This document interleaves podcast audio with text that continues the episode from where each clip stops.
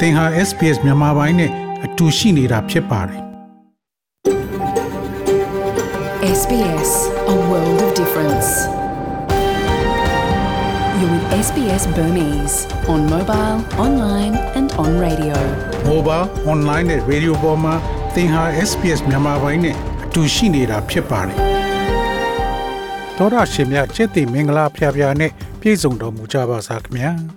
ဒီနေ့မေလ3ရက်အင်္ဂါနေ့မြန်မာပိုင်းစီစဉ်များကို SPS Radio မှစတင်အသံလွှင့်နေပါတယ်ခင်ဗျာဒီနေ့စီစဉ်များကိုကျွန်တော်ကျော်ထွန်းအောင်ခေါ် Terrell အောင်ကတင်ဆက်သွားမှာဖြစ်ပြီးယနေ့ပါဝင်မဲ့အစီအစဉ်များမှာတော့အစားအသောက်မမှန်မှု eating disorder ဆိုတဲ့ဆောင်းပါးချင်းတိုင်းသားကိုလူအေးကိုချင်းပြည်နယ်နဲ့ပတ်သက်လို့မေးမြန်းထားတဲ့ခန်းကဏ္ဍ နာကြတာဆုံးရှုံးမှုနဲ့ dementia ကြားတိတာတဲ့ဆက်ဆက်မှုရှိနေတဲ့ဆိုတဲ့ဆောင်းပါးတို့ဖြစ်ပြီးဒီနေ့ကောင်းကြီးပိုင်းသတင်းတွေကတော့ Reserve Bank ကတရားဝင်အတူနှုံမြင့်တင်သတင်းသမားတွေရဲ့လောက်ရပုတ်ရဟန်းမင်းကြီးချီကျူးကုန်ပြုကမ္ဘာစားနေစဉ်လွတ်လပ်ခွင့်နေနဲ့မြမသတင်းလောက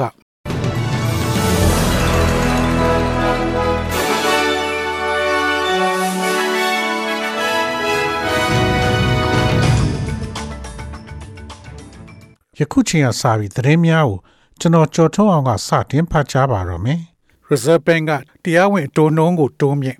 Reserve Bank သည်နိုင်ငံတော်ဝန်ရှိအိမ်တောင်စုများရဲ့လူနေမှုစရိတ်များကိုအာရုံစိုက်သည့် Federal ရွေးကောက်ပွဲမှာသုံးပတ်အောက်မှသာရှိသောအချိန်မှာတရားဝင်အတိုးနှုန်းကို3.35ရာခိုင်နှုန်းသို့တိုးမြင့်လိုက်ပါတယ်။၎င်းရဲ့မေလဘိုးအဖွဲ့စည်းဝေးပြီးနောက် RBA ရဲ့အုပ်ချုပ်ရေးမှူး Philip Lowe သည် 3.25ရာခိုင်နှုန်းတိုးကြောင်းအတည်ပြုပြောဆိုခဲ့ပါတယ်။ဒါက2010ခုနှစ်နိုဝင်ဘာလနောက်ပိုင်းတရားဝင်အတိုးနှုန်းတိုးမြင့်ခြင်းဖြစ်ပြီး2009ခုနှစ်ရွေးကောက်ပွဲမဲဆွယ်ကာလတွင်ဘာမှပထမဆုံးယခုလိုရွေးကောက်ပွဲချိန်မှာတိုးမြင့်လိုက်တာဖြစ်ပါတယ်။အတိုးနှုန်းတိုးလာမှုသည်မတ်လ3ပတ်လကုန်ထိယခုနှစ်တွင်9.1ရာခိုင်နှုန်းထိရောက်ရှိခဲ့သောငွေကြေးဖောင်းပွားမှုကို ကင်တွယ်ဖြည့်ရှင်းရန်ရည်ရွယ်သည့်လောက်ရတစ်ခုဖြစ်ပါတယ်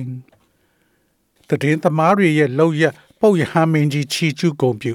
တည်င်းတောက်တွေတာဝန်ထမ်းဆောင်နေခြင်းအတွင်းတည်ဆုံးခဲ့ရတာအဖမ်းဆီးခံရတာတွေအတွက်ချီကျူးကုန်ပြုကြောင်းပုတ်ရဟန်းမင်းကြီးဖရန်စစ်ကတနင်္ဂနွေနေ့မေဒေးနေ့မှာမိတ်ကြားလိုက်ပါတယ်။တရင်လွတ်လပ်ခွင့်ကိုကာကွယ်ရင်းလူသားတွေရဲ့ထိခိုက်နစ်နာခံစားမှုကိုတတ်ထိရှိစွာနဲ့တရင်ရယူ တင်ပြခဲ့တာအတွက်သူကချီးမွမ်းပြောဆိုလိုက်ပါတယ်။မေလ3ရက်နေ့မှာကြားရောက်မဲ့ World Press Freedom ကမ္ဘာသတင်းလွတ်လပ်ခွင့်နေ့မတိုင်ခင် Vatican နန်းတော်စိန့်ပီတာရင်ပြင်မှာစုယုံလာတဲ့ထောင်ချီတဲ့ပရိသတ်ကိုဟောကြားအမှာထဲသွင်းပြောဆိုသွားတာဖြစ်ပါတယ်။ကမ္ဘာသတင်းလွတ်လပ်ခွင့်နေ့ကိုတာဝန်ယူကျင်းပတဲ့ကုလသမဂ္ဂ UNESCO အဖွဲ့ရဲ့ဒီနှစ်အစောပိုင်း ထုတ်ပြန်တဲ့စီရင်အရ2021ခုနှစ်ထဲမှာအသက်ခံရတဲ့သတင်းထောက်နဲ့မီဒီယာလောကဝန်ထမ်း55ဦးရှိတယ်လို့ဆိုပါတယ်။ပြီးခဲ့တဲ့နှစ်ထဲအဖမ်းဆီးခံရတဲ့သတင်းသမားက350ကျော်ရှိတယ်လို့ဆိုပါတယ်။ဒါအပြင်ယူကရိန်းစစ်ပွဲအတွင်းသတင်းယူရင်းသေဆုံးခဲ့ရတဲ့သတင်းထောက်တွေလည်းပုတ်ရဟန်းမင်းကြီးကချီးမွမ်းစကားဆိုခဲ့ပါတယ်။ ယူကရိန်းစစ်တပ်မှသတင်းယူရင်းသေဆုံးခဲ့တဲ့သတင်းထောက်အနည်းဆုံး9ဦးရှိတယ်လို့ CPJ ခေါ်နယူးယောက်အခြေစိုက်သတင်းသမားများကာဝေးကော်မတီကပြောဆိုပါတယ်။ကမ္ဘာစာနယ်ဇင်းလွတ်လပ်ခွင့်နေ့နဲ့မြန်မာသတင်းလောကမေလ3ရက်နေ့ကိုကမ္ဘာစာနယ်ဇင်းလွတ်လပ်ခွင့်နေ့ဖြစ်ကုလသမဂ္ဂ UNESCO အဖွဲ့ကသတ်မှတ်ထားပါတယ်။ဒီနှစ်မှာတော့မေလ2ရက်နေ့ကနေ9ရက်နေ့ထိကမ္ဘာနိုင်ငံအသီးသီးက သတင်းလောကသားတွေရဲ့ညီလာခံကျင်းပဖို့ပြင်ဆင်ထားပါတယ်။လွတ်လပ်စွာ ထုတ်ဖော်ပြောဆိုခွင့်သတင်းထောက်တွေရဲ့လုံခြုံရေးလူတွေရဲ့သတင်းသိရှိပိုင်ခွင့်တွေကိုဒီညီလာခံမှာဆွေးနွေးကြမှာဖြစ်ပါတယ်။မြန်မာနိုင်ငံမှာတော့2021ခုနှစ်ဖေဖော်ဝါရီလတရက်စစ်တပ်ကအာဏာပြသိမ်းတဲ့အခါမှာသတင်းမီဒီယာတွေသတင်းထောက်တွေဖမ်းဆီးသတ်ဖြတ်ထောင်ချခံရပိုင်ဆိုင်မှုတွေအသိမ်းခံရတာတွေဖြစ်နေပါတယ်။ ဒီလိုအန္တရာယ်တွေနဲ့ရင်ဆိုင်နေရတဲ့အခြေအနေနဲ့ပတ်သက်လို့မြန်မာသတင်းဌာန editor ချုပ်ကိုဆိုဝင်းကမြန်မာသတင်းလွတ်လပ်ခွင့်နဲ့ပတ်သက်၍ပြောထားပါတယ်။ Delta News Agency ကလည်းသူတို့ရုံးပိတ်ပြီးတိုင်းသားနယ်မြေဘက်ပြောင်းခဲ့ရတဲ့အကြောင်းကိုပြောပြပါတယ်။အဲ့ဒီနောက်2021ခုနှစ်ဒီဇင်ဘာလထဲမှာပဲ 4K ကိုကိုစစ်ကောင်စီဘက်ကဝင်တိုက်ပြီးတဲ့အတွက် Delta News Agency အဖွဲ့သားတွေလည်းအဲ့ဒီကနေ လွန်မြောက်ရွာဒေသတစ်ခုကိုပြောင်းရွှေ့ခဲ့ရပါတယ်။ဘယ်လိုပဲကြိုတင်ပြင်ဆင်ပေမဲ့မြန်မာနောက်သတင်းထောက်မက်ကီဇွန်ဝေးဟာသတင်းလိုက်ရင်အဖမ်းခံလိုက်ရသလိုသူတို့သတင်းတိုက်က editor တွေဝန်ရန်ထုတ်ခံရအိမ်တွေအသိမ်းခံရအဖမ်းခံရတာတွေရှိခဲ့ကြောင်းကိုဆွေဝင်းကပြောဆိုပါတယ်။ အခုတို့သတင်းဌာနတွေသတင်းထောက်တွေအန္တရာယ်ရှိနေပေမဲ့စစ်ကောင်စီဘက်ကရက်တီရေးသားပြောဆိုနေတဲ့သူတချို့ကတော့အန္တရာယ်ကင်းကင်းနဲ့သတင်းလောကမှာနေရာယူနေကြတာတွေ့ရတယ်လို့ပြောပါတယ်။ရွေးကောက်ပွဲနဲ့အတိုးနှုံများ Reserve Bank ရဲ့အတိုးနှုန်းတိုးလာပြီးနောက် Australia သည်လူနေမှုစရိတ်အချက်တဲကိုအပြည့်အဝထုံးနဲ့ခံနေရတယ်လို့ Federal Opposition မှပြောကြားပါတယ်။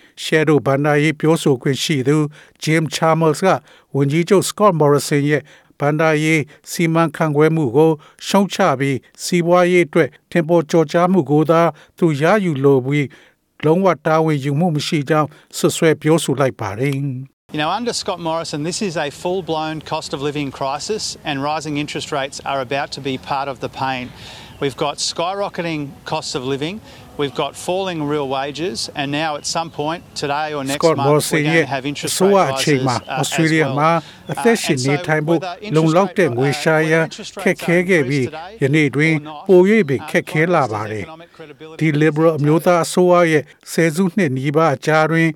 ကျန်တာရီအားလုံးမှာငွေကြေးဖောင်းပွားမှု အတိုးနှုန်းမြင့်တက်မှု စားသုံးသူယုံကြည်မှုကျဆင်းမှုနဲ့အမှန်တကယ်လောက်ခများကျဆင်းသွားခြင်းပင်ဖြစ်ပါတယ်။ ယနေ့အတိုးနှုန်းဆုံးဖြတ်ချက်ဟာဩစတြေးလျနိုင်ငံသားတန်ပေါင်းများစွာရဲ့အိမ်သုံးဘတ်ဂျက်ပေါ်ကြီးမားသောအကျိုးသက်ရောက်မှုရှိစေမှာဖြစ်ပါတယ်။ဝင်ကြီးချုပ်သည်၎င်းရဲ့စီးပွားရေးကိုင်တွယ်ပုံကိုခုခံကာကွယ်ခဲ့ပြီး၎င်းဆိုရသည်ဩစတြေးလျနိုင်ငံသားများအတွက်အကာအရန်ကိုဖန်တီးပေးခဲ့ပြီးပုံမဆိုးဝါးသောသက်ရောက်မှုများဖြစ်ပေါ်ခြင်းမှရပ်တန့်စေခဲ့တယ်လို့ဆိုပါတယ်။ We knew about the rising prices that were coming, particularly because of the single largest energy shock we've seen around the globe since the 1970s. And we knew that that would have an impact on Australians getting back up on their feet.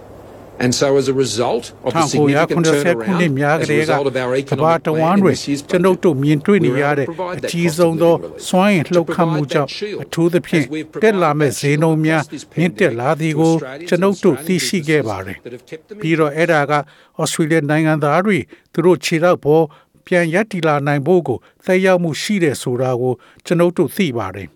ထို့ကြောင့်သီးသာထင်ရှားသော အလှည့်ပြောင်းရဲ့ရလဒ်အနေဖြင့်ယခုနှစ်ဘတ်ဂျက်တွင်ကျွန်ုပ်တို့စီးပွားရေးအစီအစဉ်ရကျွန်ုပ်တို့သည်ဤကပ်ယောဂါကိုဖျက်ကျော်ကာအဆိုပါအကာအကွယ်ကိုဩစတြေးလျလူမျိုးများအားပေးစွမ်းနိုင်ခဲ့ပြီးဩစတြေးလျစီးပွားရေးလုပ်ငန်းများသည်၎င်းတို့အလုပ်များပြန်လည်ဖြစ်မြောက်လာပါတယ် SBS SBS SBS SBS SBS This is SBS Radio.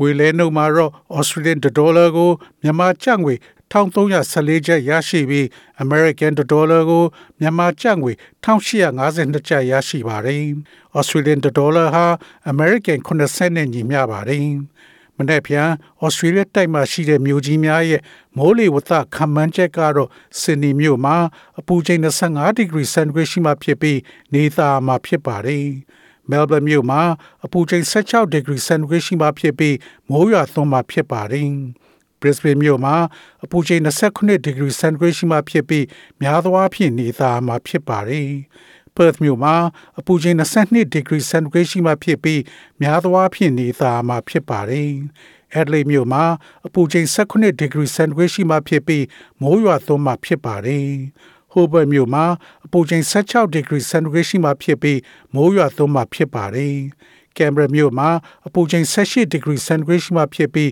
မိုးတစ်ဖြောင်းနှစ်ဖြောက်ရွာသွန်းနိုင်ပါတယ်။ဒါဝင်မြို့မှာအပူချိန်35 degree centigrade ရှိမှဖြစ်ပြီးများသောအားဖြင့်နေသားမှာဖြစ်ပါတယ်။ဤတွင်သတင်းများကိုကြီးညာလို့ပြီးပါပြီခင်ဗျာ။။